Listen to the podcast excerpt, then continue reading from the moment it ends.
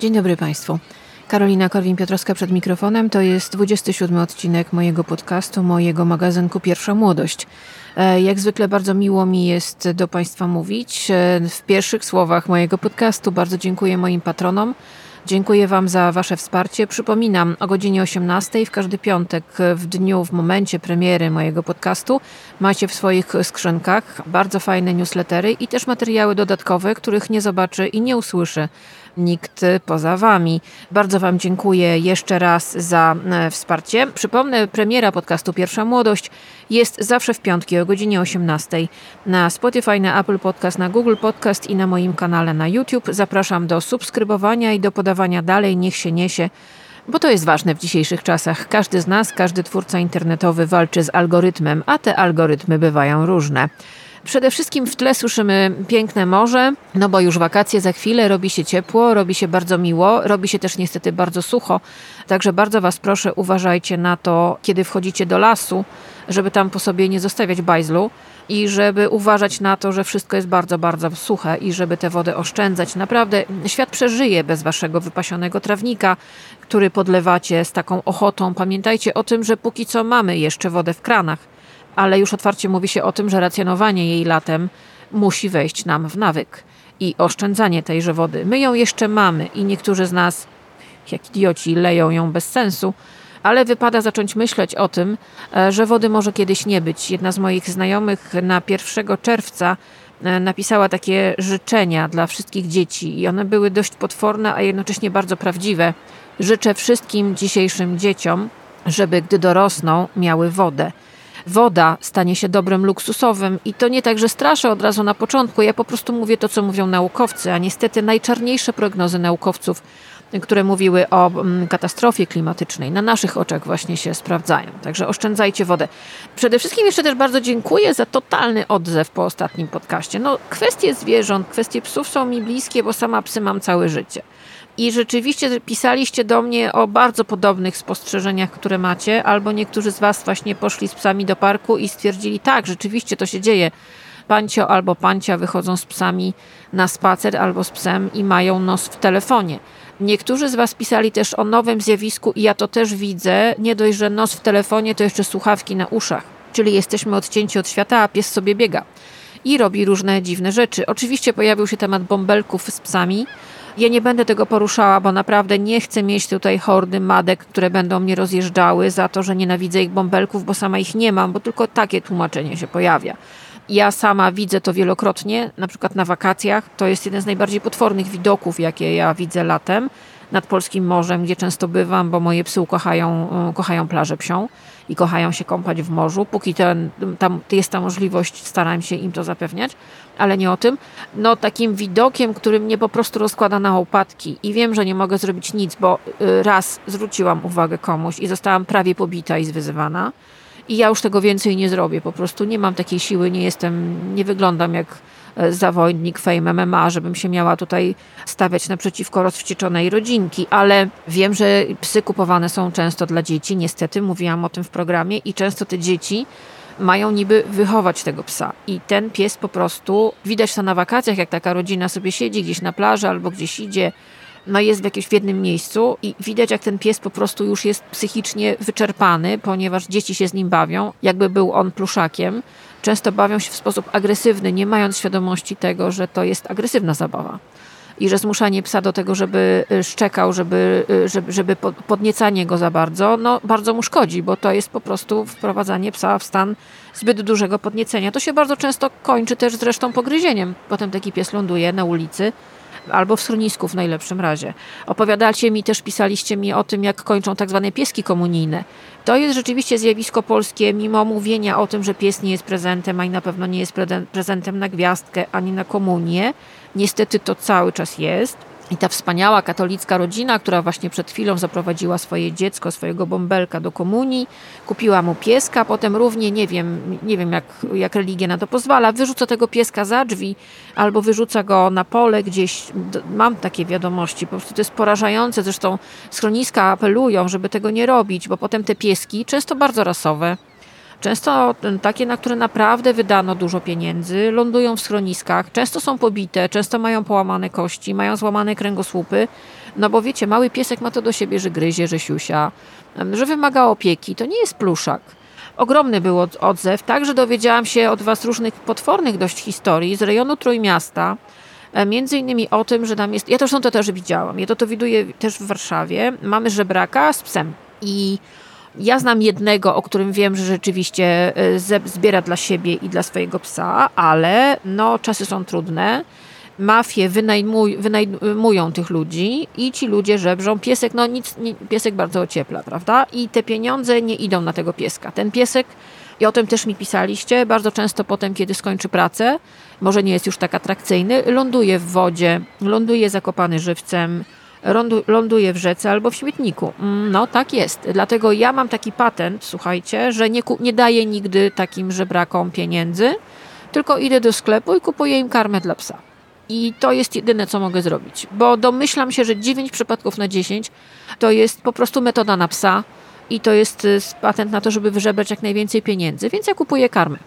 To jest w ogóle patent, żeby zobaczyć, czy, czy mamy do czynienia z mafią, czy mamy do czynienia z kimś, kto naprawdę e, zbiera pieniądze, bo nie ma pieniędzy na życie i zbiera też dla swojego psa. Będzie też e, coś o gotowaniu w najbliższym czasie, ale wiecie, ja nie jestem Magda Gessler. Ja wam czasami coś podrzucę, co sama robię, aczkolwiek bardzo miło jest mi otrzymać po ostatnim podcaście całą masę zdjęć zupy szparagowej. E, wspaniale. Dzisiaj będzie reklama, bardzo fajna. Obiecałam sobie, że ten podcast nie będzie mm, wieszakiem na reklamy. Naprawdę dostaję bardzo dużo propozycji, 99% odpada. No nie, po prostu nie i nie. Ale będzie coś i to się nazywa BookBeat. Ale słuchajcie uważnie, bo będziecie mieli z tego y, konkretne profity. No dobra, proszę Państwa, zaczynamy. Don't fuck with me, fellas! This ain't my first time at the rodeo. You forget the press I delivered to Pepsi was my power. I can use it any way I want. It's a sword. Cuts both ways. Proszę Państwa, to była Faye Dunaway jako Joan Crawford w filmie Mommy Dearest, czyli kochana mamuśka w 1981 roku. E, ryknęła mocno nam jako Joan Crawford, pani Faye Dunaway, no bo trochę trzeba ryknąć. Wracam do tematu Nepo Babies, mm, no bo to jest taki temat, który wraca nieustannie. Ostatnio przy okazji mm, serialu Idol, który pojawił się na jednej z platform streamingowych, Lily Rose Depp w roli głównej, mamy swoją Helenę Englert. No i ja postanowiłam dokładnie przeczytać słynny tekst, który ukazał się w zeszłym roku w New York Magazine na temat Nepo Babies. To był ten artykuł, który wywołał burzę absolutną burzę i rzeczywiście, no, on jest bardzo ironiczny, ale jest też bardzo udokumentowany i jest, dość, jest bardzo długi, nie bójcie się, nie będę wam czytała całego. Ale słuchajcie, to jest opowieść o tym, jak to się w ogóle zaczęło. I tak naprawdę to się zaczyna od te, ta historia Nepo Babies i takiego zwracania uwagi na to, że rzeczywiście dziecko z rodziny znanej jest uprzywilejowane. I nie opowiadajmy banialu, że jest inaczej. Jest tak. Słuchajcie, włączcie jakąkolwiek telewizję śniadaniową. Ja niestety przez ostatnie tygodnie robiłam research i to naprawdę wpłynęło na moją psychikę. Może dlatego dzisiaj jestem w niezbyt dobrym stanie. Zainteresowanie dziećmi znanych ludzi jest po prostu od momentu poczęcia. I o tym też czytamy w New York Magazine. W momencie, kiedy znana kobieta zachodzi w ciążę, mamy już newsy. We are expecting! I oczywiście pokazywane są kreski na teście ciążowym, oczywiście jest cudowne zdjęcie i wspaniale i są gratulacje również znanych znajomych, no bo pamiętajmy, znani ludzie mają głównie znanych znajomych, przynajmniej taki sprzedawany jest nam ten świat. I to karuzela popularności, a co za tym idzie wpływów, a co za tym idzie zasięgów i uwagi, bo w dzisiejszych czasach liczą się zasięgi i uwaga zaczyna się napędzać od momentu poczęcia tego dziecka. I rzeczywiście, jak się tak spojrzy na kariery hollywoodzkie XXI y, wieku, tych młodych ludzi, którzy wchodzą, no to myślę, że dobrze ponad połowę. W New York Magazine jest dokładnie lista. I to robi porażające wrażenie, słuchajcie. I to jest bardzo niefajne. Znaczy, to też widać, że ci ludzie mm, w tym artykule wręcz dyrektorzy castingów mówią o tym, że znani rodzice potrafią dzwonić i wymuszać przyjęcie dziecka na casting albo żeby dostało rolę, e, że to się dzieje. Znaczy, że ci znani rodzice lansują to swoje dziecko. To swoje dziecko lansowane jest od momentu, jak już powiedziałam, poczęcia. Potem mamy e, rosnący brzuszek, prawda, zdjęcia kolejne. Rzadko kto to ukrywa w dzisiejszych czasach. Zauważcie, że znane dziecko jest znane od, od momentu poczęcia, potem mamy narodziny, więc mamy słodkiego bobaska, no i mamy jak ono rośnie na oczach milionów często, na kontach społecznościowych mediów ich rodziców, ale też w mediach jest śledzone. Mało tego, ma bardzo często swoje konto na Instagramie i to w tym artykule też jest e, ciekawie wspomniane na, na przykładzie mm, córki Reese Witherspoon i innych celebryckich dzieci, które na przykład mają swoje konta w mediach społecznościowych i nawet jeśli one są tam niby prywatne, to one się pojawiają na kontach swoich kolegów i koleżanek. I potem pojawiają się na przykład artykuły, sześć powodów, dla których warto śledzić konto i tutaj pada imię i nazwisko dziecka celebryty, które nie tylko, że jest dzieckiem celebryty, ale to jest też coś, na co zwracają uwagę w tym artykule i zwracają na przykład agenci modelek, że Kaja Gerber robi karierę głównie dlatego, że jest podobna, no jak dwie krople wody do swojej matki Cindy Crawford, która była ikoną modelingu lat 90. Bo czy jest dobrą modelką? Są tacy, co mówią, że coś, to, to, nie ma czegoś takiego. Kendall Jenner różne zbiera uwagi na temat swojego pozowania i tego, czy jest rzeczywiście plastyczną, klasyczną top modelką. Ona jest znaną modelką, ale czy jest top modelką? No, pochodzi z takiej, a nie innej rodziny, ale wiadomo, że to, że ma takie, a nie inne nazwisko i rzeczywiście ładną dziewczyną, e, złośliwi, tu biorę w cudzysłów, mówią, że no też po różnych ingerencjach e, różnych zabiegów medycyny estetycznej, e, co też ona normalizuje i normalizują oczywiście jej siostry, bo teraz już 18-19-letnie dziewczynki, ba, dziewczynki na komunie mają robione zabiegi medycyny estetycznej, mm, no to jakby ona też jest niestety pewnym magnesem marketingowym. Kiedy to się zaczęła ta historia? Oficjalnie mówi się, że w pandemii, która to pandemia pokazała nam, jak bardzo celebryci są oderwani od rzeczywistości i szczyt kultury celebryckiej był tak na chwilę przed pandemią, ale mówiono, że za chwilę się to przepali, że to już, już ludzie mają tego dosyć, że tego jest rzeczywiście za dużo. Przyszła pandemia i co się okazało? Okazało się, że uwielbiani celebryci siedzą w domach i są bardzo oderwani od rzeczywistości i pokazują, że na przykład mówią, że siedzą w jakiejś ogromnej willi gdzieś tam i że to jest więzienie, tak? Więc inni zaczęli wysyłać, słuchajcie, ja mieszkam w małym pokoiku gdzieś tam albo to to jest dopiero więzienie i przestańcie pieprzyć głupoty. Znaczy, uderwanie celebrytów od rzeczywistości bardzo wyraźnie było widać w pandemii, a że cały świat dostał wtedy po tyłku, to się wkurzyliśmy. Wkurzyliśmy się na nich i bardzo słusznie, mm, bo to ci ludzie są oderwani od, od rzeczywistości. Znaczy opowiadanie o tym, że ktoś ma normalne życie, będąc osobą zarabiającą miliony i będąc będąc celebrytą, który jest jak wieszak reklamowy kolejnych firm, błagam, nie, nie, nie, nie dajmy sobie wcisnąć tych bullshitów to, to tak nie działa. Znaczy ci ludzie naprawdę masę rzeczy mają za darmo w barterze albo w półbarterze, dostają promocyjnie. Co ich kosztuje zrobić post na Instagramie, kiedy masz całe mieszkanie zrobione tak naprawdę za darmo. Czy dom, a samochód, którym jeździsz, masz też wypożyczony za darmo, to nie jest twój samochód. Więc jakby ich życie jest tak naprawdę życiem, które nie ma nic wspólnego z życiem normalnych ludzi.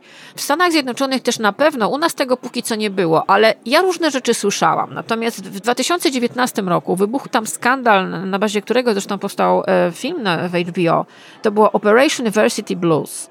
I to była historia, którą ujawniły media, historia polegająca na tym, że celebryci, na przykład tacy jak Felicity Huffman, czyli bardzo znana amerykańska aktorka, robili wszystko, żeby umieścić swoje dzieci na super uniwersytetach z tej takiej bluszczowej ligi, najwyższej rangi w Stanach Zjednoczonych, no i robili do, wokół tego rzeczy niegodne. To były, wchodziły w to łapówki, wchodziły w to przeróżne używanie swoich przywilejów, absolutny, totalny nepotyzm.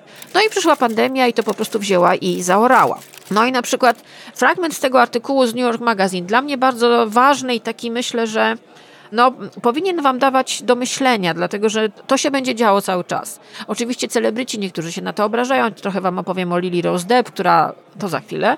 No, ale słuchajcie, te dzieci są bohaterami tabloidów od dziecka. A co dzisiaj generuje ruch? Co dzisiaj generuje uwagę? Niestety tabloidy, portale plotkarskie, ale też oczywiście Instagram, TikTok, Facebook, wszystkie media społecznościowe. Te dzieci od najwcześniejszych lat są obecne na kontach swoich rodziców, a potem same mają swoje konta. I rzeczywiście to dziecko no, jest tak naprawdę już znane, ma potencjał bycia znanym, który absolutnie ma się nijak do potencjału, nie wiem, syna zwykłej księgowej, czy nauczycielki, czy lekarza, który po prostu chce być kimś znanym, zakłada kanał, nie wiem, chce być aktorem, chce śpiewać. Znaczy to jest po prostu nieporównywalne. Ja oglądając śniadaniówki polskie ostatnio, e, znalazłam 14 przykładów, w ciągu dwóch tygodni różnych dzieci, znanych ludzi, które pojawiały się w kontekście wow, wow, Boże Święty, niebo się otworzyło. I powiem wam tak, ja nie chcę oceniać tego, natomiast nie mówmy, że u nas to się nie dzieje. U nas to się dzieje na jeszcze większą skalę, bo my mamy przeżarty bidą z nędzą show biznes. I u nas każdy, kto aspiruje do bycia celebryckim arystokratą, wynoszony jest od razu na piedestał. I wiecie, jak czytam artykuł z New York Magazine, no to po prostu, wiecie, widzę absolutne przełożenie na, polski, na polskie środowisko. I na przykład klasyczną taką historią, którą ja specjalnie tutaj cytuję, to jest historia Brooklyna Beckhama. Tutaj mamy coś takiego. Brooklyn Beckham jak piszą o nim w Guardianie, potomek celebryty niezdolny do niczego. Coś w tym jest rzeczywiście, bo on ma w wieku 23 lat próbował pójść w ślady rodziców w piłce nożnej i w modelingu. No średnio mu to wyszło. Przepraszam, ale on wygląda jak Waldemar Pawlak. Znaczy to jest portret pamięciowy. On jest kompletnie nijaki na zdjęciach. No przepraszam, on no nie, nie ma tego. Ale słuchajcie, on nam był wciskany jako model. Pamiętacie to? On nam był wciskany jako fotograf. Mało tego, on miał zrobioną wystawę samodzielną, e, która zresztą została zjechana w ogóle w mediach, że po prostu on nie ostrzy, on nie umie, ale wystawa była, był katalog wypasiony. Potem próbował być szefem kuchni, robił swojego bloga kulinarnego. Tak jak on gotuje, to ja też gotuję. Znaczy naprawdę chyba bloga założę, ale nie nazywam się Beckham, więc mam przerąbane. Ale mimo to, teraz posłuchajcie, on ma prawie 15 milionów obserwujących na Instagramie. Miał okładkę Woga ze swoją żoną, mieli transmisję, po prostu relacje z ich ślubu. Dziewczyna też praktycznie znikąd staje się gwiazdą obok niego, oni stają się power couple, a teraz ja się pytam, czy oni, nie wiem, mają za sobą jakiś szczególny talent, czy nie wiem, czy, czy, czy coś zrobili dobrego dla świata, bo może, nie wiem, nie mają talentu innego specjalnego, no bo że Brooklyn Beckham nie ma, to już wiemy ale może ta jego żona Nikola ma coś. No nie, nie ma tutaj nic specjalnego, ale oni są wszędzie, tak? I oni pewnie za chwilę wylądują mm, w jakiejś reklamie czy gdzieś tam i będą zarabiali kupę hajsu tylko dlatego, że, że noszą takie, a nie inne nazwisko. Tu nie ma za tym nic, nie ma żadnego innego wsparcia. Więc ten artykuł, proszę Państwa, z New York Magazine jest bardzo ciekawy. A mówię o nim także dlatego, że na e, Max pojawił się serial bardzo oczekiwany. Znaczy, ja też nawet na niego czekałam. To on ma nam zastąpić sukcesję. To jest naprawdę dowcip dekady. No dobra, ale słuchajcie, serial nosi tytuł Idol. No i tam występuje Lily Rose Depp. I posłuchajmy, to jest e, fragment e, dźwiękowy. To jest scena z pierwszego odcinka, mam nadzieję, ostatniego sezonu tego serialu, a już wiecie, co o nim sądzę. No ale to jest scena, gdzie Lily Rose Depp ze swoją koleżanką jadą do klubu i w tym klubie bohaterka grana przez Lily Rose Depp spotka e, The Weeknd, który jest właścicielem tego klubu. No dobra, posłuchajcie.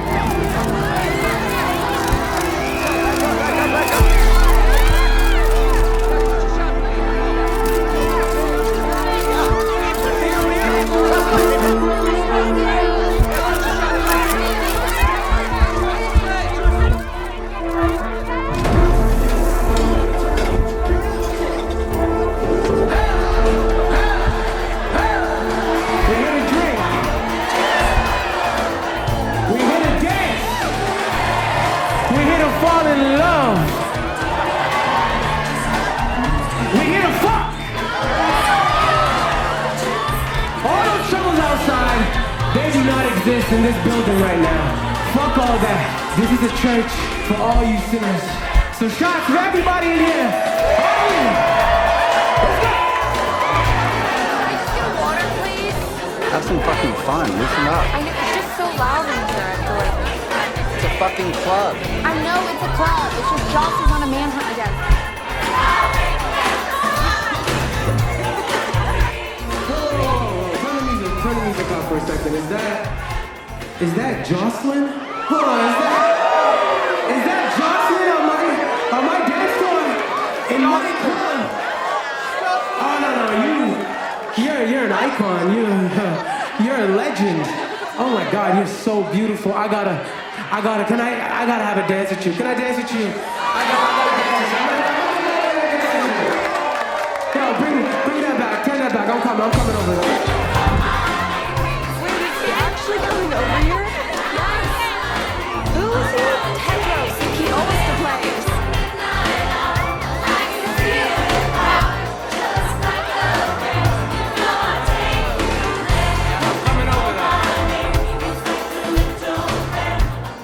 No i teraz, proszę Państwa, mamy serial Idol, mm, który pojawił się na platformie Max, w którym głównej roli występuje Lily Rose Depp, która jest, y, no, jakby ktoś nie wiedział, jest córką Johnego Deppa i francuskiej piosenkarki i aktorki Vanessy Paradis. Jej rodzice poznali się na planie filmowym, no i od razu zaskoczyło i w ogóle fantastycznie i urodziła się Lily Rose, która niby do pewnego momentu miała w miarę normalne dzieciństwo, no ale to nie jest normalne dzieciństwo, kiedy masz praktycznie pieluchy w Chanel bo to nie jest normalne dzieciństwo. I rzeczywiście ona bardzo wcześnie została, była przez ojca brana na plany filmowe, pojawiała się gdzieś tam publicznie i rzeczywiście ona bardzo wcześnie miała totalną trampolinę do tego, co nie było dane innym normalnym, pewnie też równie zdolnym dzieciakom.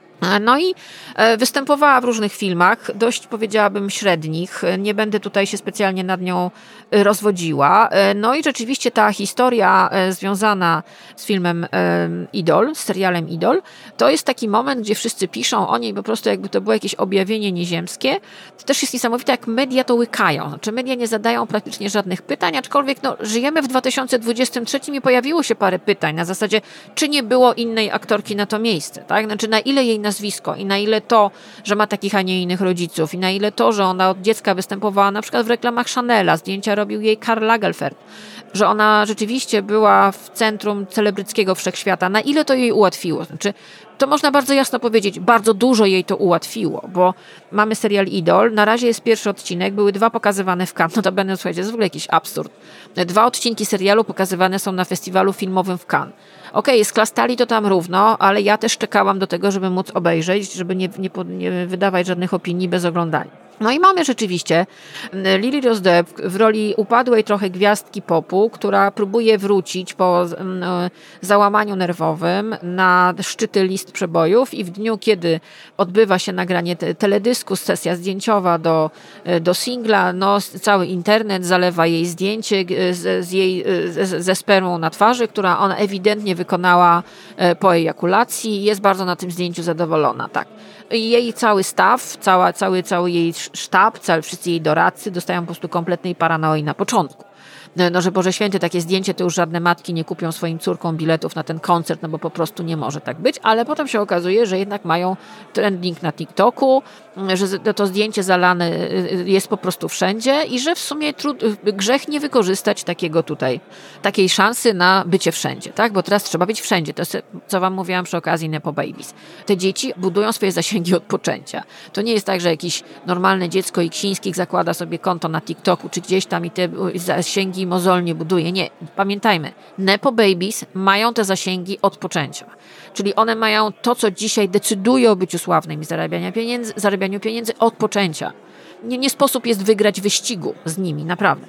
No i mamy tę Lily Rose, która jest bardzo urodziwa. Rzeczywiście, e, ja pamiętam, już oglądałam w poprzednich i w innych produkcjach, w których ona wystąpiła. To jest pierwszy moment, kiedy ona gra rzeczywiście główną rolę i rzeczywiście widać było, że ona, kamera ją kocha, że jest bardzo fotogeniczna, aczkolwiek jest, e, to jest też w ogóle paradoks. Wiecie, że ona była modelką wybiegową, kiedy wzrost ma bodaj 1,60 m każda inna dziewczyna, jakby przyszła do agencji i miała 1,60 m, to by jej powiedzieli urośnij albo zostań tylko fotomodelką, bo my musimy mieć wysokie dziewczyny. No takie są za, zasady modelingu, których się wszyscy trzymają i jakoś nikt tego e, nie, nie, nie, nie, nie ignoruje, a ona była modelką po prostu. Dlaczego? Bo ma takich, a nie innych rodziców. No nie udawajmy, że pomógł jej tutaj wzrost.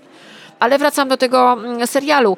Ją kamera kocha. Jest bardzo fotogeniczna, to widać. Ma bardzo fajną twarz. Znaczy, to jest taka, ma, fa ma fajne oczy, wie o tym, wie jak nimi grać. No, y, świat mody ją tego nauczył, mm, bo doświadczenia aktorskiego wielkiego nie ma i to niestety trochę widać, bo generalnie moim zdaniem problemem tego serialu jest to, to że on jest totalnie przefajnowany i jest przede wszystkim nudny. Okej, okay, masturbuje się przed kamerą, y, podduszając się jednocześnie. Wow. Oczywiście to jest sarkazm. Serial, pierwszy odcinek zaczyna się czymś, co robią aktorzy na drugim roku, pierwszym roku szkoły, to zależy od programu, czyli zmiana twarzy, wyrazu twarzy w zależności od tego, jaki nastrój masz pokazać. Niektórzy się zachwycają, Boże, jaka ona jest plastyczna, a ja mówię, student pierwszego, drugiego roku potrafi to zrobić o tak. Więc naprawdę też ustalmy pewne kryteria. Znaczy, czy jest wybitną aktorką? Nie wiem. Wydaje mi się, że jest po prostu średnia ma na pewno y, bardzo fajną charyzmę ekranową. To czasami wystarcza. Czy to wystarczy na całą karierę? Poczekamy, zobaczymy. Ten sam serial nie wygląda zbyt, zbyt dobrze, ale co do czego wracam? To jest historia e, o tym, że dziewczyna, głównie przez nazwisko, dostała rolę główną w, w, szalenie promowanym, aczkolwiek myślę, że no, niezbyt ciekawym serialu. I pewnie by tego nie dostała, gdyby była zwykłą panią jakąś tam Kowalską z Ameryki. No bo nie, znaczy to po prostu widać. No The Weeknd, który jest fatalnym aktorem, po prostu, znaczy ona jest lepsza od The Weeknd, bo to nie jest trudne. Ja też bym była lepsza od pana The Weeknd, ponieważ on jest po prostu fatalnym aktorem. Ja nie wiem, kto wpadł na to, żeby on tam grał. Rozumiem, że on był producentem, więc siebie obsadził. Wow, no to porozmawiajmy w ogóle o tym, jak można sobie produkować serial ze sobą w roli głównej, chociaż jest się po prostu beznadziejnym i jedyne, co mnie tam bawi, to ten jego ogonek dziwny, który on ma na głowie i to jest po prostu wszystko. Znaczy, okej, okay, nie będę się więcej pastwić, jak chcecie, to zobaczycie. Wizualnie jest ciekawy. Okej, okay, tak, wizualnie Idol jest fajny. Ewidentnie chcą być drugą euforią to trzeba mieć Zendaję i parę innych osób, które rzeczywiście fantastycznie żrą ekran i trzeba mieć też jakiś może lepszy scenariusz i może nie, nas, nie stawiać sobie teraz poprzeczki dość wysoko na zasadzie o, pokażemy wam jaki jest niedobry show biznes, jakie tam są wszystko świnie i zboczeńcy, jak oni e, źle traktują e, biedne dziewczynki. No nie, no błagam, to albo wychodzi, albo nie wychodzi. Jak sobie zakłada ktoś, że ten film albo serial, albo książka zmieni świat, po prostu poprowadzi na nowe tory, to ja mówię, dobra, hold my beer, po prostu nic z tego nie wyjdzie. I uważam, że tak się tutaj dzieje. No, co my mamy w Polsce? Słuchajcie, my mamy w Polsce Helenę Englet, proszę Państwa. I mamy dziewczynę, która, no nazwisko już po prostu wszystko wam mówi, córka Beaty Ścibakówny i Jana Englerta, wychowywana e, w dobrym kulturalnym domu. Ona bardzo dobrze mówi po polsku. Zwróciłam na to uwagę, bo to różnie bywa wśród polskich gwiazd, bez względu na to, jaki mają numer PESEL. No i dziewczyna zagrała do tej pory niestety w złych produkcjach, bo ani Pokusa, ani serial Bring Back Alice to nie są dobre rzeczy. Pokusa jest po prostu skandalicznie złą rzeczą, ale słuchajcie, ilość ilość publikacji na temat tej dziewczyny, wywiadów z nią jest taka, że wow, no. I co jest ciekawe, znaczy powiem tak, y, na pytanie, czy jest dobrą aktorką, myślę, że się dobrze zapowiada. Pamiętam kiedyś e, Jerzy Sztur zapytany o to, czy Maciek e, jest dobrym aktorem. On powiedział, że on jeszcze nie gra, on na razie występuje. Ja myślę, że Helena Englert ma dokładnie to samo teraz. Ona na razie występuje. Ale talent ma, znaczy to widać. Znaczy widać, że dziewczyna rozwija się i mimo, że gra w złych filmach, coraz lepiej gra. Nie, no, nie jest tylko wieszakiem na sukienkę w Bring Back Alice, gdzie po prostu stylizacja myślę, że ją trochę przytłoczyła, ale próbuje. Na przykład ona moim zdaniem momentami tą żenującą pokusę ratuje, chociaż tam nie ma prawie nic do uratowania. Życzyłabym jej lepszych projektów i życzyłabym jej tego, żeby miała cierpliwość, bo media ustawiły ją i to jest naprawdę hit roku w roli głosu pokolenia. Więc mamy Nepo Baby, typowe Nepo Baby, tylko z Polski. Nazywa się Helena Englert, które od dziecka, zresztą jej mama mówi w wywiadach, ona miała dawane, rzeczywiście czym się zainteresowała, to rodzice chcieli, żeby to roz, rozwijała. Więc nie chcę być tutaj y, księgową, ale no, y, na pewno status finansowy tej rodziny, w której ona wyrastała i status intelektualny pozwalał na to, że mogła wszystkie swoje zainteresowania rozwijać. Muzyczne, modelingowe, modowe. Ona się interesowała modą e, prawie od dziecka i zresztą rzeczywiście w jednej z telewizji śniadaniowych e, był materiał po prostu z Heleną Englert, no, w, e, który pokazywał, jakie ona ma tam zainteresowania modowe razem z koleżanką, przerabiają ciuchy. No jedno dobre, że nie wymyśla nowych, więc jest eko, ale no słuchajcie, kilka minut w telewizji śniadaniowej, za które inni może by się dali pod, pokroić, dostaje dziewczyna, która e, no, jest na razie początkującą aktorką, a no i swoje stroje pokazuje na ściankach, na których, na ściankach celebryckich, na których bywa. Znaczy, e, spójrzmy na to obiektywnie i nie chcę, nie jestem tu złośliwa. To jest naprawdę, no, nikt inny by tego nie dostał.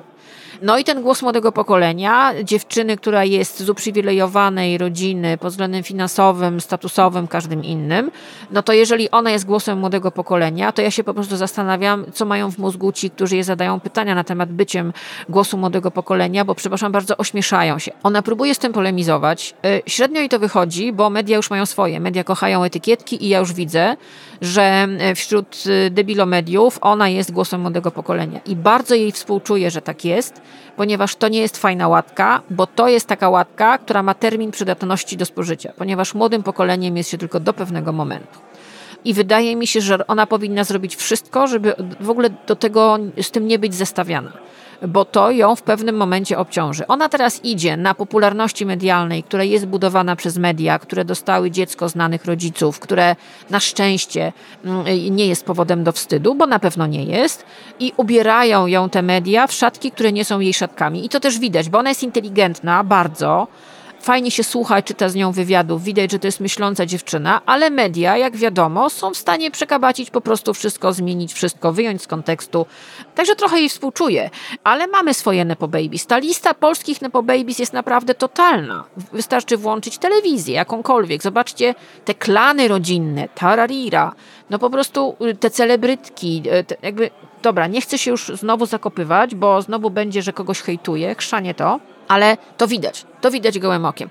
Moim zdaniem polski show biznes w 80% zbudowany jest przez nepotyzm i układy. I absolutnie tak jest. Wystarczy naprawdę włączyć jakąkolwiek telewizję, wziąć jakąkolwiek gazetę, zobaczyć jakikolwiek portal i zobaczyć, ile ludzi ląduje na jedynkach i jacy to są ludzie i skąd oni się wzięli. No i od razu wiadomo, skąd oni się wzięli. I teraz po prostu jedyne, co mogę zrobić, to Marilyn Monroe. There was an old fellow named Sidney who drank till he ruined a kidney. It shriveled and shrank, but he drank and he drank.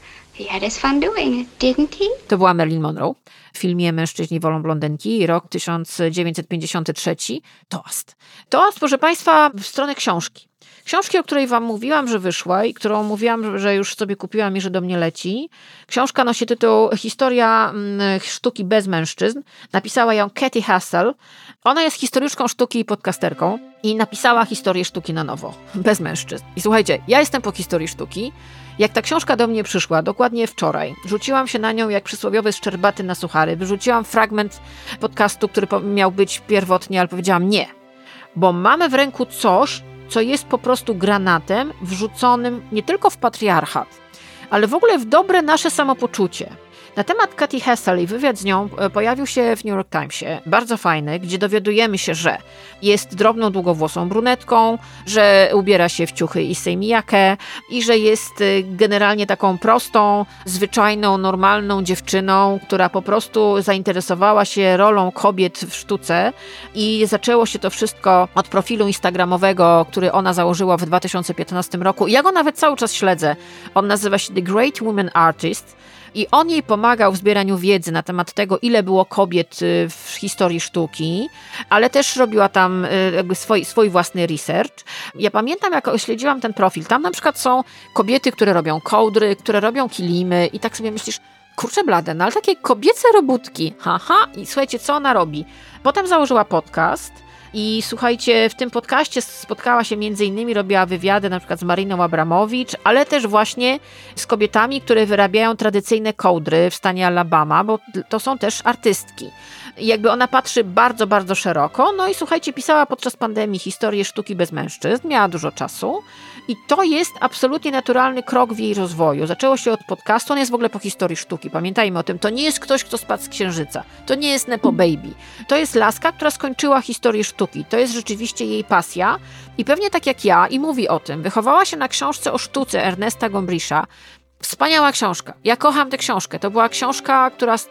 To jest książka, ona cały czas jest u mnie na półce mam kolejne jej wydania, bo to jest rzeczywiście każdy historyk sztuki, młody adept tego zawodu i tej, tej dziedziny, który przychodzi na studia, dostaje to na liście lektur i bardzo dobrze, bo to jest bardzo fajnie napisane przede wszystkim, bez takiego naukowego bełkotu, bez metajęzyka, którego nikt nie zrozumie.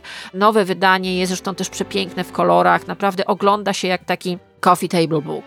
Ale słuchajcie, i ona zwróciła na to uwagę w ostatnim wydaniu, na 688 stronach jest jedna kobieta. I teraz pytanie, czy tych artystek nie było, czy po prostu o nich zapomniano i je wygumkowano? I to jest po prostu niesamowite, bo wygląda na to, że one były, tylko zostały wygumkowane i po prostu świadomie zostały zapomniane, znaczy zostały po prostu wyrzucone. I ta książka, mam ją w ręku, słuchajcie, i to jest ile stron? Zaraz sprawdzam. Żółta okładka, patrzę, przewracam strony. Niesamowita bibliografia, indeks. Jezu, gdzie to jest? Słuchajcie. No, bibliografia ma kilkadziesiąt stron, indeks nazwisk też, po 500 stron mniej więcej. Słuchajcie, i to jest niesamowite, bo otwieram to od początku i przede wszystkim złapałam od razu nazwisko Artemizji Gentileski i jej słynny obraz Judyta i Holofernes z 1612 roku i ja pamiętam, ja kocham ten okres w sztuce, y, kocham barok i pamiętam jak ona była tak traktowana na zasadzie ha, ha, ha, trochę. Nawet u mnie na studiach. Znaczy, ja się czuję, dla mnie ta książka jest po prostu granatem wrzuconym w mój dyplom, granatem wrzuconym trochę w moją głowę, bo ona rzeczywiście pokazuje nam, jak wiele nazwisk artystek zostało kompletnie wymazanych. I tu nie chodzi o to, czy te obrazy, które one malowały, są dobre czy złe, czy te rzeźby, które one robiły, te gobeliny są dobre czy złe. Nie, one po prostu zostały wyrzucone, dlatego że były kobietami. I to jest niesłychane. Znaczy, rzeczywiście Artemisia Gentileschi dopiero niedawno doczekała się samodzielnych wystaw i nagle wszyscy odkrywają, jak wielką była artystką. Artystka barokowa, włoska, naprawdę wspaniała, ale dopiero teraz możemy kupować wielkie albumy o jej, z jej sztuką. Są jej e, indywidualne wystawy kilkaset lat po jej śmierci, naprawdę. Potem dalej patrzę, Angelika Kaufmann na przykład, e, wiek XVIII, prawda? Idziemy, zresztą pięknie wydana jest ta książka na dobrym papierze, doskonała jakość e, ilustracji, co jest bardzo ważne. Potem mamy Elizabeth Wige-Lebrun, która między innymi e, portretowała Mario Antoninę z dziećmi. I ona była taką gwiazdą wtedy. No to jest jedno, jedno, jedno z takich nazwisk, które pojawia się w niektórych opracowaniach o historii sztuki, na przykład e, takich ogólnych, no bo w historii sztuki XVIII wieku ona się pojawia. Rzeczywiście, no to rzeczywiście mam jedno nazwisko. Ale potem idziemy dalej i to są nazwiska, których ja nie znam. Słuchajcie, naprawdę. Ja siedziałam w tej książce, mam ją od kilkudziesięciu godzin i muszę Wam powiedzieć, to jest na, dla mnie szok. I mam nadzieję, że ta książka, na przykład artystki z Japonii, czy byście słyszeli o jakichkolwiek artystkach z Japonii z, z XIX wieku? Na pewno nie. A proszę bardzo, mamy tu artystki japońskie. Mamy na przykład całą historię wiktoriańskiej e, Anglii, gdzie kobiety oczywiście wyszywały, malowały, robiły różne tam rękodzieła. Grafiki, no bo dobrze wychowana panna musiała mieć jakieś tam umiejętności, które ją predestynowały do tego, żeby wyjść bogato i dobrze za mąż. Ta cała sztuka w wykonaniu tych kobiet nawet jeśli one potem były niezależnymi artystkami, była sprowadzana do tego, a tam sobie coś nasza Juleczka maluje, prawda, a wydamy ją szybko za mąż. Tu się okazuje, że e, rzeczywiście Katie Hessel poświęca im bardzo dużo miejsca, bo to były naprawdę samodzielne artystki. I ja sobie oglądam reprodukcje tych, tych ich obrazów, ich grafik i jestem w absolutnym szoku. Między innymi na przykład jest cała historia e, prerafaelita, którymi ja się interesowałam. I to jest taki moment w historii sztuki angielskiej, gdzie pojawia się bardzo dużo kobiet. Ale co jest potworne? Te kobiety, które często były muzami wielkich artystów, były przez nich e, malowane, rysowane, tak jak na przykład e, przez Rossettiego, bardzo często w bardzo wielu książkach sprowadzane są właśnie do roli muzy albo kochanki.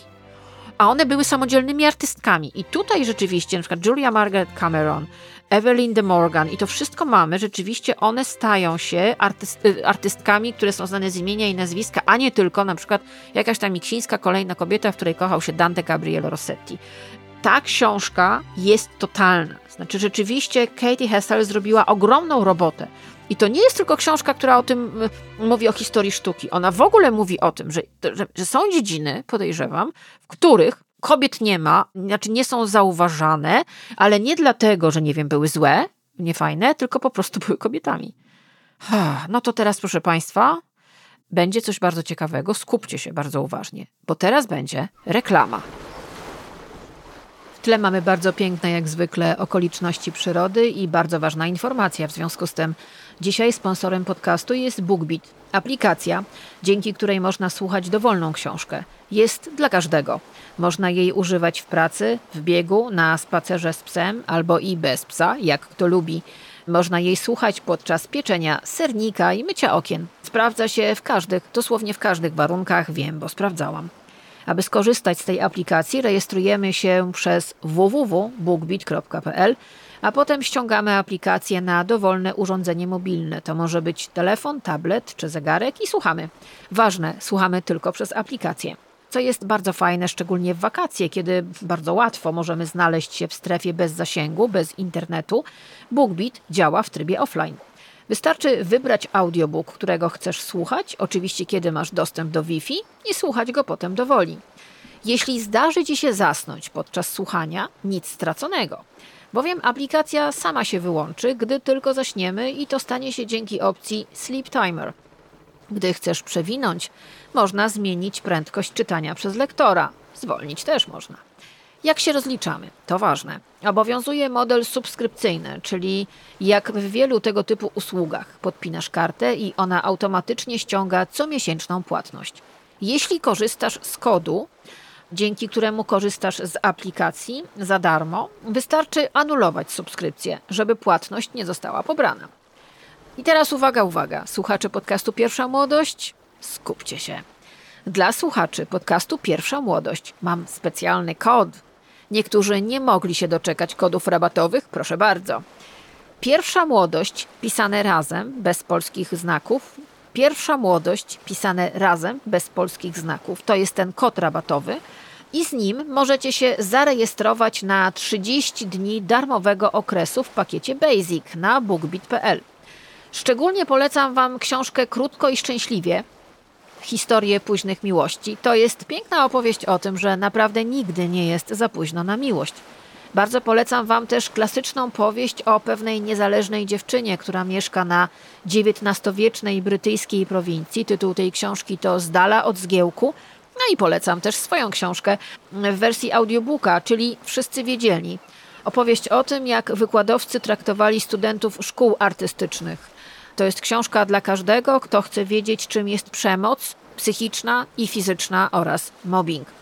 Przypominam, że rejestracja do aplikacji odbywa się na stronie www.bookbit.pl i audiobooków słuchamy w aplikacji. Życzę wszystkim super słuchania i jeśli przegapiliście, naprawdę zero stresu. Wszystkie informacje powtarzam na moim Instagramie Karolina KP, gdzie jest dedykowany BookBeat Post. Dobrych wakacji, wspaniałych spacerów, pieczenia serników i sprzątania, ale z książką. I to była reklama. No to teraz, proszę Państwa, fragment zwiastuna, takiego, który się pojawił jako pierwszy teaser w związku z filmem, który wchodzi w lipcu tego roku do kin. I to jest film, na który ja bardzo czekam. Jak już jesteśmy dzisiaj o kobietach i mówimy o Nepo Babies i w ogóle, no to będzie o Barbie. Posłuchajcie. Since the beginning of time, since the first little girl ever existed, there have been dolls. But the dolls were always and forever baby dolls. Until.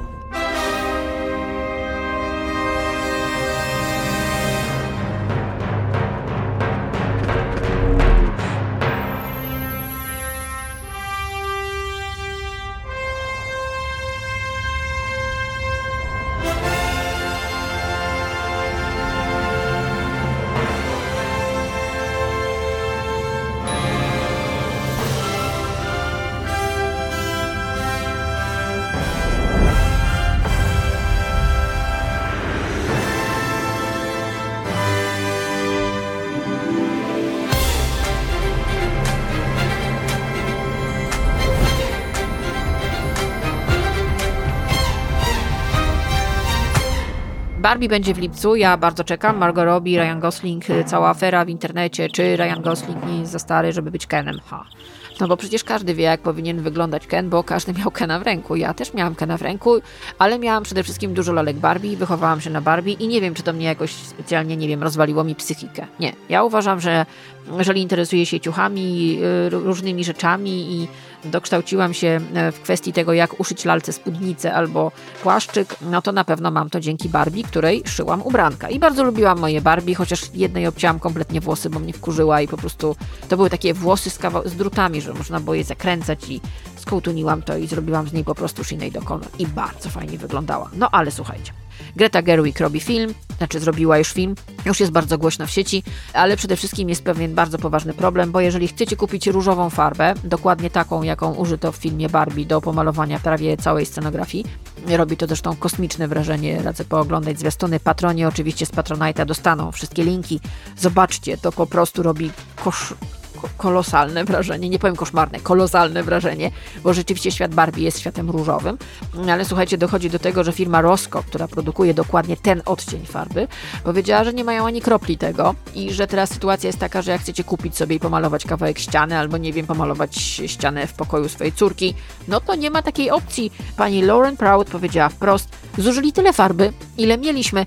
Produkcja filmu Barbie, która miała miejsce w roku 2022, przypomnę, premiera w lipcu tego roku, zużyła całą, cały zapas e, różowego koloru, dokładnie tego odcienia e, z firmy Rosco. Zobaczymy, czy on się jeszcze pojawi.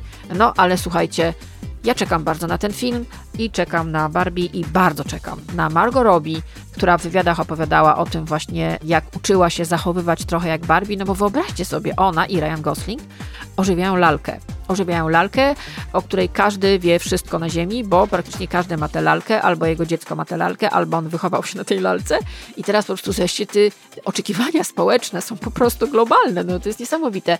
A historia wygląda na bardzo ciekawą. Te zwiastuny, które wyślę do patronów, mm, pokazują jedną rzecz. Barbie w pewnym momencie będzie musiała zamienić szpilki na Birkenstocki. no dobra. What a picture. What a picture. Good picture, yeah. Ale teraz, proszę Państwa, będzie coś, co po prostu y, unosi moje serce y, w niebo. To było 25 lat temu. Trochę później pojawił się ten serial w polskiej telewizji, i jeżeli ja mam jakieś takie doświadczenie pokoleniowe, kobiece, które bardzo pomogło w moim y, myśleniu i spojrzeniu na świat, i tolerancji, w ogóle otwarciu na kwestie też seksu, erotyki, ale w ogóle tego, że jesteś kobietą i że masz prawo do różnych rzeczy, a nie tylko obowiązki. To był serial Seks w Wielkim Mieście, proszę Państwa, 25 lat temu. Wyemitowano pierwszy odcinek serialu, który ja uważam powinien być pokazywany w szkołach. I nie ma w tym ani groma, grama ironii czy jakiegoś sarkazmu, bo to jest serial, który otwiera głowy. On otwiera głowy, otwiera emocje i pokazuje kobietom, że mają siłę. Mm, oto fragment specjalnego zwiastunu, który Platforma Max y, y, wypuściła do sieci z okazji rocznicy e, seksu w Wielkim Mieście. Posłuchajcie sobie. Hello, lover.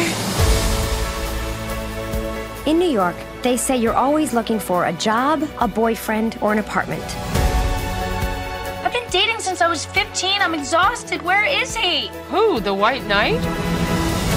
Sometimes it's hard to walk in a single woman's shoes. That's why we need really special ones to make the walk a little more fun. Have you ever been in love? Absolutely. Why do I think living in Manhattan is so fantastic? Because it is. There's always a new neighborhood, a new restaurant, a new man. Maybe you have to let go of who you were to become who you will be. We still gonna have to call it date night in our 50s? I'm a trisexual. I'll try anything once. It's all fun and games till someone has a child.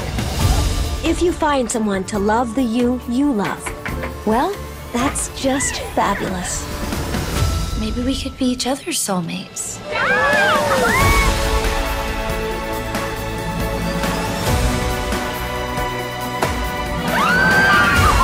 The most important thing in life is your family.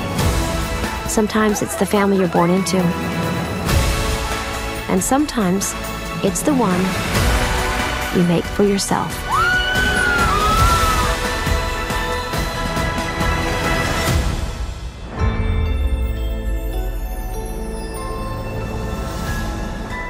Przypomnę, on był produkowany, ten serial w latach 1998-2004 przez stację HBO na podstawie książki Candance Mashnell, która zresztą też pokazała się w Polsce i pamiętam jak ja ją czytałam i byłam zachwycona i w ogóle.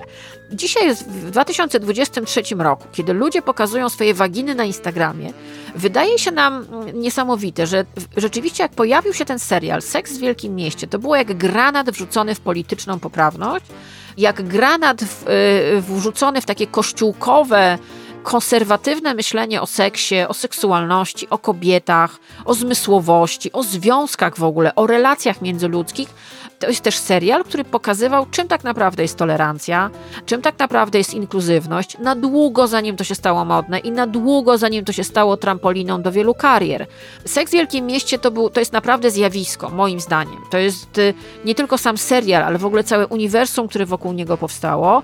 Przypomnę dla tych, którzy jeszcze nie oglądają, y, na y, Max jest, wszystkie sezony można oglądać. W internecie można to legalnie obejrzeć. Oczywiście patroni z Patronite'a dostaną linki do seksu w Wielkim Mieście, jeżeli tego nie macie. Ja mam wszystko na DVD i na Blu-rayu, ustawione u mnie na półce pięknie. Nawet wam to sfotografuję, żebyście zobaczyli, że nie kłamie. bo ja seks w wielkim mieście po prostu wielbię absolutnie. Przypomnę, o czym to jest. Mamy felietonistkę Carrie Bradshaw, która pisze do Vogue albo tam do różnych innych e, gazet i otwarcie pisze o seksie i każdy odcinek jest jakby opowieścią wokół jej kolejnego felietonu. Mamy agentkę, która się nazywa e, Samantha Jones. To jest Kim Cattrall. W roli Carrie Bradshaw występuje Sarah Jessica Parker. Parker to jest taka breakthrough po prostu rola, która zrobiła z niej mega absolutnie gwiazdę. Kim Cattrall gra Samantha Jones, która jest agentką od PR-u, która generalnie jest kobietą tak wyzwoloną, jak tylko może być wyzwolona kobieta i to jest kobieta, która rzeczywiście ta postać Samanty, myślę, że jest najbardziej kultowa z nich wszystkich, ponieważ to jest y, babka, która przede wszystkim ma jakiś tam numer PESEL, specjalnie się tym nie przejmuje, przynajmniej do pewnego momentu w tym serialu, używa mężczyzn, tak jak mężczyźni używają kobiety. I ona jest absolutnie wyzwolona seksualnie i u niej w łóżku jest barytet, że tak powiem.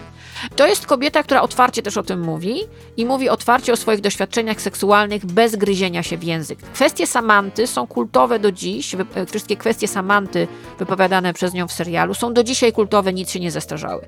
I to jest tak naprawdę podręcznik tego, jak zachowują się kobiety. Mamy Charlotte York, która jest taką właścicielką, ona pracuje w galerii i jest taką dziewczyną z dobrego domu i ona bardzo chce być za księcia i w tej roli występuje Christine Davis.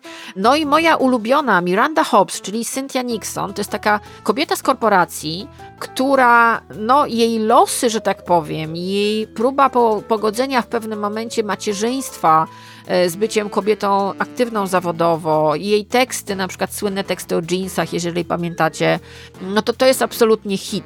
Zresztą, co wam będę gadała? Jedną z moich ulubionych, to biorę w cudzysłów, scen i motyw, momentów, tego, momentów tego serialu jest historia o zerwaniu za pomocą żółtej karteczki. Pamiętacie to? Kiedy Scary Bradshaw, jeden z jej chłopaków, zrywa za pomocą żółtej karteczki, czyli takiej karteczki żółtej post-it. Posłuchajcie, to jest moment, kiedy ona w restauracji, zresztą genialne są te momenty, ja to kocham, kiedy one siadają i jedzą wspólny lunch. To są takie momenty magiczne, bo tam mówią o swoich związkach, o swoich relacjach, mówią o, o smaku i zapachu różnych płynów fizjologicznych. Ja pamiętam, że jak ja usłyszałam tą taką e, wymianę opinii na temat właśnie owych e, płynów fizjologicznych, to ja zamarłam. Ale potem sobie pomyślałam, uff, wreszcie ktoś to powiedział. Ale teraz skupmy się na żółtej karteczce. To jest moment, kiedy Carrie mówi swoim trzem koleżankom, o tym, jak została porzucona za pomocą karteczki, ale w tym samym czasie mm, Charlotte pokazuje swój kolejny pierścionek zaręczynowy. Proszę bardzo. Boy, do I have news. So do I. I didn't want to say anything until we were all together, but Harry and I made up, and he asked me to marry him. Oh my God! wow. Congratulations! Sweetie, that's great. Look at that ring! I know. He had it made based on the one that Richard Burton gave Elizabeth Taylor. Well, it is fabulous. Even more fabulous than your first one. So, Carrie, what was your news? Oh, uh, Berger broke up with me on a post-it. On a post-it? Uh-huh. Uh-huh. Yep. Read it and weep, my friends. I'm sorry I can't. Don't hate me. The motherfucker's concise. First of all, I thought you were going to break up with him. Yeah, I was, and I should have, but he said that he wanted to try to work things out, aka leave in the middle of the night. A post-it? That's infuriating. Yeah, I remember when breaking up over the phone was considered bad form. I once was broken up with by a guy's doorman. I'm sorry, Miss Hobbs. Jonathan won't be coming down. Ever. I miss having a doorman. So, are you going to call him? No, I'm not going to dignify his behavior with a response. I am not even going to leave him one of those angry answering machine messages. Hi, it's me. You're a dick. But it sure felt good saying it right now, even to you. Well, that's what we're here for. I'm sorry. Yeah, I'm sorry too. Jak ich nie kochać, prawda? I jak ich nie kochać, e, jak nie lubić tych bohaterek, jak nie lubić ich świata. Dla mnie to był serial absolutnie przełomowy. Co też ciekawe, moja mama się na niego załapała, bo on był pokazywany na początku na drugim programie telewizji polskiej. Kiedyś były takie czasy, że telewizja polska pokazywała progresywne seriale. Brawo! No tak, i moja mama to oglądała i to był jej ukochany serial. Naprawdę ona się wkręciła i mówiła, powiedziała mi wprost, że bardzo żałuje, że za czasów jej młodości czegoś takiego nie było. Ja ten serial kocham. Uważam, że to jest jeden z takich diamentów w historii telewizji w ogóle. i też diamentów popkultury. Oczywiście dzisiaj się lubimy z nich wyśmiewać i mówimy, że to było seksistowskie, takie śmakie owakie, chrzanić to. Poza tym, słuchajcie, tam są cytaty. Tam są cytaty. Uwaga, to teraz parę cytatów z seksu w Wielkim Mieście. Jesteś kobietą, a mężczyźni nie lubią, kiedy kobieta jest człowiekiem. Nie powinniśmy puszczać bąków czy używać tamponów. Kiedyś facet zerwał ze mną, bo nie ogoliłam okolic bikini. To mógł to powiedzieć wyłącznie Samantha Jones. Natomiast Charlotte to jest słynna kwestia Charlotte. Orgazmy nie przysyłają pocztówek w walentynki i nie trzymają cię za rękę w kinie. No, okej, okay, ja, ja, się trochę z tym zgadzam, ale no, nie, nie, nie, nie generalizujmy. Dalej, Carrie. Kobiety to specjalistki od sztuczności. Noszą sztuczne włosy, staniki, a nawet futra. Zastanawiam się, czy lęk przed samotnością nie pcha nas do sztucznych zachowań. Może pozorujemy coś więcej niż orgazmy? Może pozorujemy całe związki? Czy lepiej jest udawać, niż być samą? Bardzo lubię to zdanie. Nie ukrywam, tam jest wiele takich cytatów w seksie w Wielkim Mieście, które wtedy, kiedy to oglądałam, dawały mi dużo do myślenia i miałam wrażenie, że te kobiety, i na tym podlega siła tej historii, mówią to, co ja bym chciała powiedzieć. Tylko, że one powiedziały to publicznie i miliony na całym świecie to usłyszały. Ja to mogłam powtórzyć za nimi. To jest siła tej historii. Naprawdę kobiety, dla kobiet z mojego pokolenia, serial Seks w Wielkim Mieście to jest totalna rewolucja. Pod bardzo, bardzo wieloma względami. Na przykład Charlotte nie można być z facetem tylko dlatego, że umie uszczelnić wannę. Pytanie do wszystkich kobiet, które mnie teraz słuchają. Czy zdarzyło wam się być z facetem tylko dlatego, że uszczelnił wam wannę, albo zreperował zlewozmywak, albo wniósł słynny regał na czwarte piętro? Ja znam co najmniej jeden taki przypadek. Idziemy dalej. Kari mówi tak. W drodze do domu zastanawiałam się, czemu ludzie samotni czują się jak trendowaci. Czy w restauracjach niedługo pojawią się osobne miejsca dla samotnych? I wtedy przeraziłam się, że to może ja udaję. Może przez tyle lat udawałam sama przed sobą, że jestem szczęśliwa. A i oczywiście Samantha. Nigdy nie przyjaźniłam się z żadnym mężczyzną. Przyjaźni się z kobietami, z mężczyznami się pieprze. Jeszcze dalej, dalej, tutaj mamy też Miranda. Miranda ma nie, może nie tak dużo cytatów jak Samantha, ale jak już coś powie, to uwaga. Faceci są jak taksówki. Kiedy są wolni, pali im się lampka. Budzą się pewnego dnia i mówią: Ustatkuję się i będę miał dzieci. Wtedy włączają światło i żenią się z pierwszą, która machnie ręką. Jakie to jest prawdziwe! Dalej. Carrie Bradshaw. Miasto powinno utrzymywać przytułki dla byłych kochanków. Nasi byli leżeliby w jednakowych łóżeczkach i rozmyślali, czym zawinili. Samantha Jones, która ma taki tumbisistyczny stosunek do wsi i w ogóle do życia gdzieś poza miastem, ale pytanie, które zadaję, jest pytaniem bardzo ważnym. Teraz dużo pewnie z moich słuchaczek i słuchaczy mieszka poza miastem i Samantha Jones może Was zapytać, po co mieszkasz za miastem, jeśli nie możesz zerżnąć ogrodnika? To jest bardzo podstawowe, bytowe pytanie. Koniec z kochaniem, wracam do kochanków, Samantha Jones. Carrie Bradshaw mówi, to grup Carrie. Miała dwie miłości i setki butów. To jest jeszcze ważne w tym serialu, że mamy po raz pierwszy pokazaną zależność, którą kobiety znają. Że na przykład jest ci źle w związku, albo się właśnie rozstałaś, więc idziesz na zakupy i próbujesz sobie wyrównać emocjonalnie to, co straciłaś. Motyw kupowania butów, motyw modlenia się do Chanel.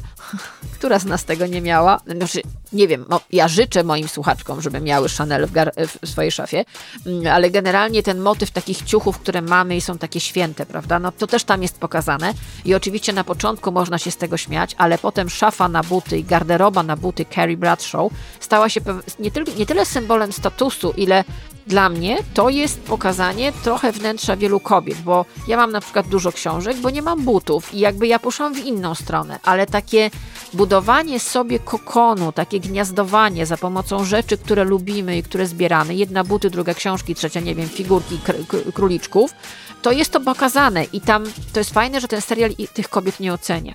On pokazuje nam ten świat i pokazuje go w bardzo intymny, ale też myślę bardzo fajny, czuły sposób. No jeszcze dalej. O, i na koniec. A jeszcze Samantha Jones. Ten serial też pokazuje moment choroby Samanty, moment menopauzy Samanty i w ogóle tego, co się z nią dzieje. I e, w ogóle takiego jej życia, ona jest bardzo otwarta, jeżeli chodzi o jej seksualność. Rzeczywiście i mężczyźni przelatują przez jej łóżko z szybkością światła, ale nikt nie nazwie jej słowem na K. I bardzo dobrze, bo nie powinno się tak robić. Natomiast słuchajcie, ona mówi e, zdanie, które też ja kocham i które wiem, że wielu moich, wiele moich koleżanek bardzo lubi. Dzieci niech nie słuchają, Chociaż dzieci gorsze rzeczy oglądają dzisiaj na YouTubie. Nikt nie ma prawa mnie krytykować. Będę obciągała komu zechcę, dopóki oddycham i jeszcze mogę klęczeć. Carrie Bradshaw. Jak wiele silnych kobiet, Samantha dobrze znosiła stres, ale nie jego efekty. I na koniec Carrie Bradshaw mówi bardzo ważne zdanie, tutaj taki cytat znalazłam, który w ogóle mówi o kobietach i to się nic nie zmieniło. Mamy 25 lat, mamy ćwierć wieku od premiery pierwszego odcinka serialu Seks w Wielkim Mieście, ale to się nie zmieniło. Uwaga. Miranda użyła słowa powinnam. Może to kolejna przypadłość kobiet. Pragniemy dzieci i podróży poślubnych, czy sądzimy, że powinniśmy tego pragnąć? Jak odróżnić prawdziwą potrzebę od społecznie usankcjonowanej? Niepokojące jest to, że same narzucamy sobie ten bryl. Dlaczego wciąż nam się zdaje, że coś powinnyśmy? No właśnie, proszę Państwa, ja na terapii bardzo długo wyrzucałam ze, swojego, ze swojej głowy i ze swojego słownika słowo powinnam. I ja też wiem, że nie wszystko powinnam i po prostu wywalmy to gdzieś za okno. 25 lat seksu w Wielkim Mieście. Cudowny to serial, cudowna to rzecz. Oglądajcie, pokazujcie swoim córkom, ale też pokazujcie swoim synom. Bo wiecie, fajnie by było, gdyby mężczyźni wiedzieli, co kobiety myślą. Sisters, sisters, there were never such devoted sisters. Never had to have a chaperone, no sir. I'm here to keep my eye on her, caring, sharing every little thing that we are wearing. When a certain gentleman arrived from Rome, she wore the dress and I stayed home. All kinds of weather, we stick together, the same in the rain or sun. Two different faces, but in tight places, we think and we act as one. To, co słyszeliście przed chwilą, to jest Rosemary Clooney i Vera Ellen z filmu White Christmas z 1954 roku. Zbliżamy się powoli do końca i słuchajcie, znalazłam niesamowity wywiad, znaczy tekst. W gazecie Metro, bo tutaj często mówimy o tym, że dzieci znanych rodziców to Nepo Babies i w ogóle i tak mi się to skojarzyło. Zrobiono wywiad, rozmowę z dziewczyną, która jest córką znanej prezenterki telewizyjnej. Występuje pod imieniem Charlotte. Prosiła o zachowanie e, anonimowości. I to jest tak naprawdę opowieść, słuchajcie, w gazecie Metro to się ukazało przed chwilą w kwietniu. Tytuł tego tekstu brzmi: Wyrosłam w rodzinie znanych rodziców i do końca życia będę musiała chodzić na terapię. Już wiecie o czym będzie. I to jest y, córka kobiety, która była prezenterką telewizyjną przez wiele lat i dorastała w centrum medialnej uwagi, i jej matka dawała prasie niemal nieograniczony dostęp do każdego aspektu jej życia. I powiem tak, ta kobieta teraz jest dorosła, nazywa się Charlotte i czyta się ten tekst, y, to jest zapisany wywiad z nią. Ja bym to wysłała wszystkim znanym rodzicom, którzy w Polsce pokazują swoje dzieci i żerują na nich bo to jest opowieść z punktu widzenia osoby już dorosłej, po wielu godzinach terapii, przed wieloma godzinami terapii jeszcze, która opowiada, co czuje dziecko, osoby znanej, które jest zaprzęgnięte do rydwanu popularności swoich rodziców.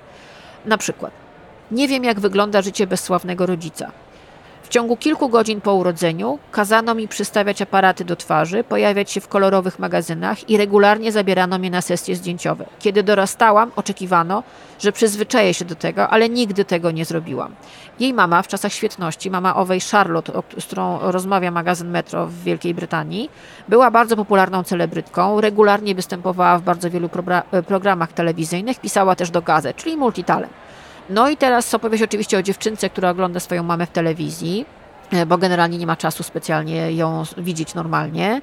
Chociaż oczywiście odbyła z nią taką rozmowę, że podczas gdy norm, dzieci innych jej koleżanek pracują w biurze czy gdzieś tam, no to mama ma tak zwany nielimitowany czas pracy, no i że to bycie sławnym jest źródłem naszego utrzymania, w związku z tym nie narzekaj na to, że ja pracuję, bo nie będziemy mieli pieniędzy. Czyli dziecko od początku ustawiane jest z pozycji cicho sieć, chcesz mieć styl życia, poziom życia, jaki mamy, to naprawdę nie miej uwag do tego, że mnie nie ma. No i na przykład y, opowieść z, taka, z okresu przedszkolno-żłobkowego. Posłuchajcie.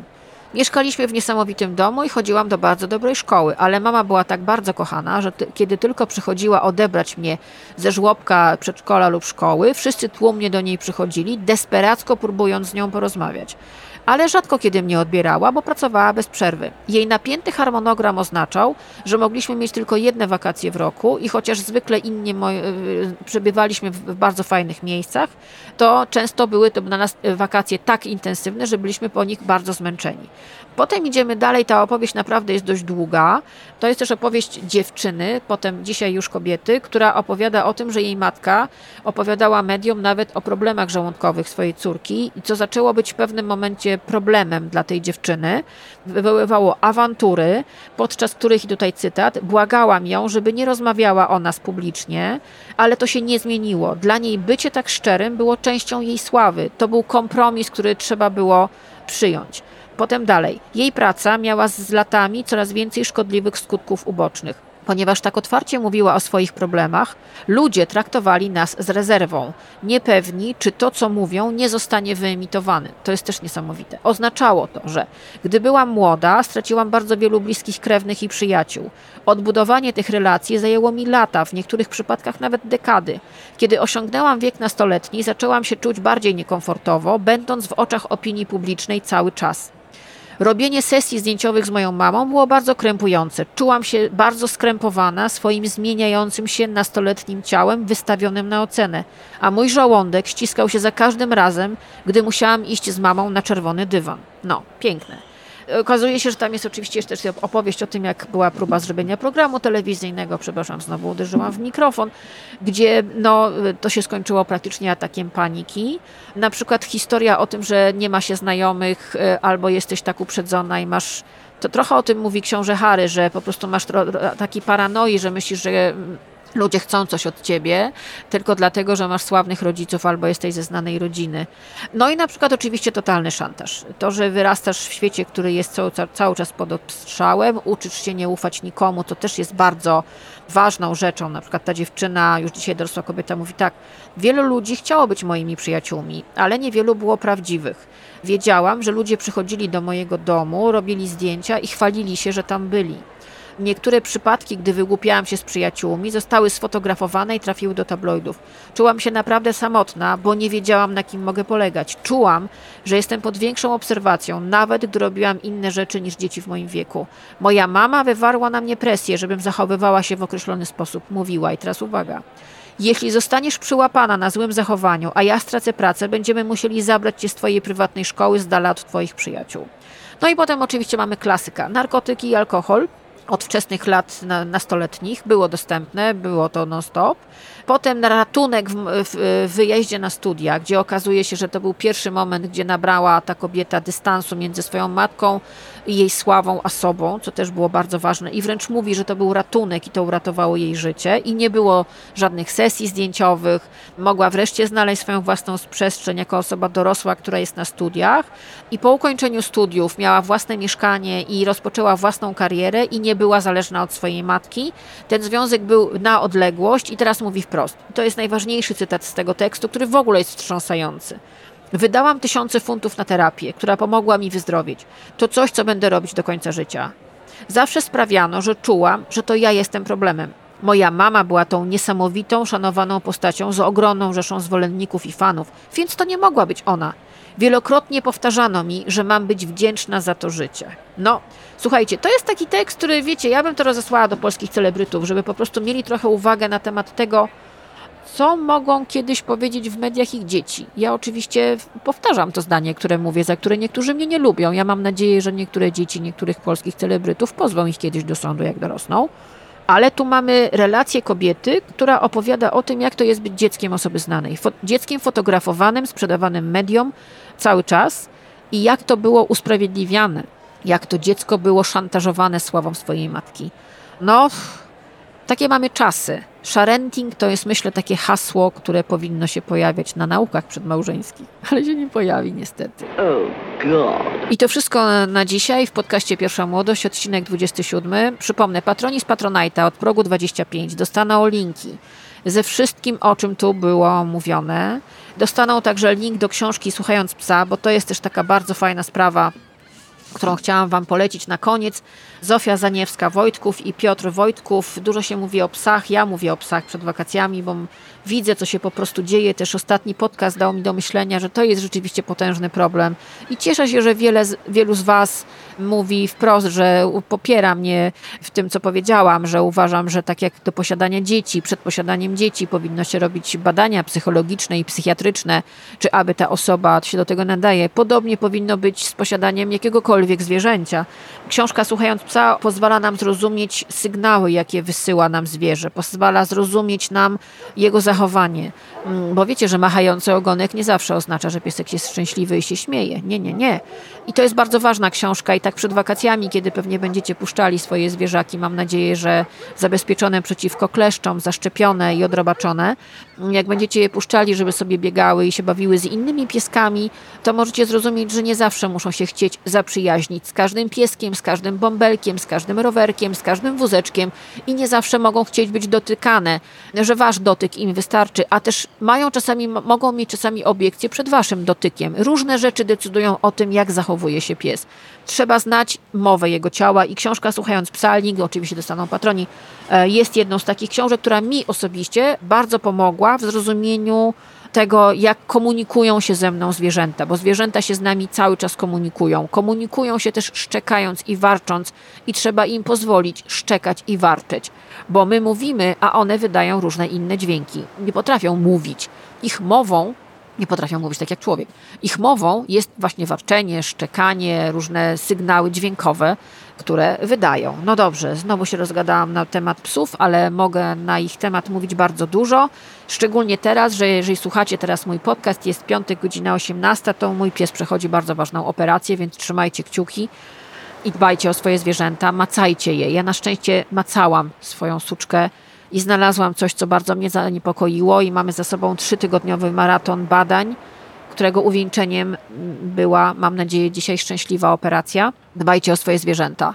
Tu nie liczymy się z kosztami, tu po prostu idziemy po całości, bo to jest ta jedyna absolutnie bezwarunkowa miłość w naszym życiu. Naprawdę.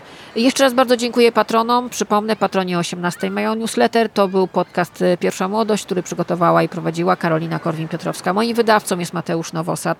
Premiera każdego podcastu w piątek o godzinie 18 na Apple Podcast, na Google Podcast, na Spotify i na moim kanale na YouTube.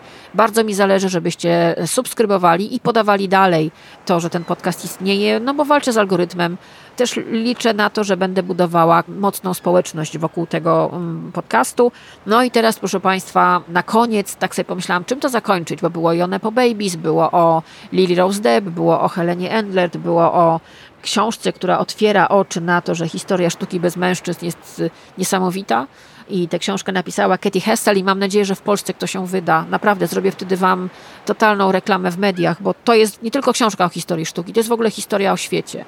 To jest o świecie bez kobiet, w którym nagle pojawiły się kobiety. Nagle. One zawsze tam były, tylko były wygumkowywane. I to jest książka, która jest po prostu jakimś obuchem, który uderzył mnie w głowę. I tak się zastanawiałam, czym to dzisiaj zakończyć. Też ten seks w Wielkim Mieście, 25 lat.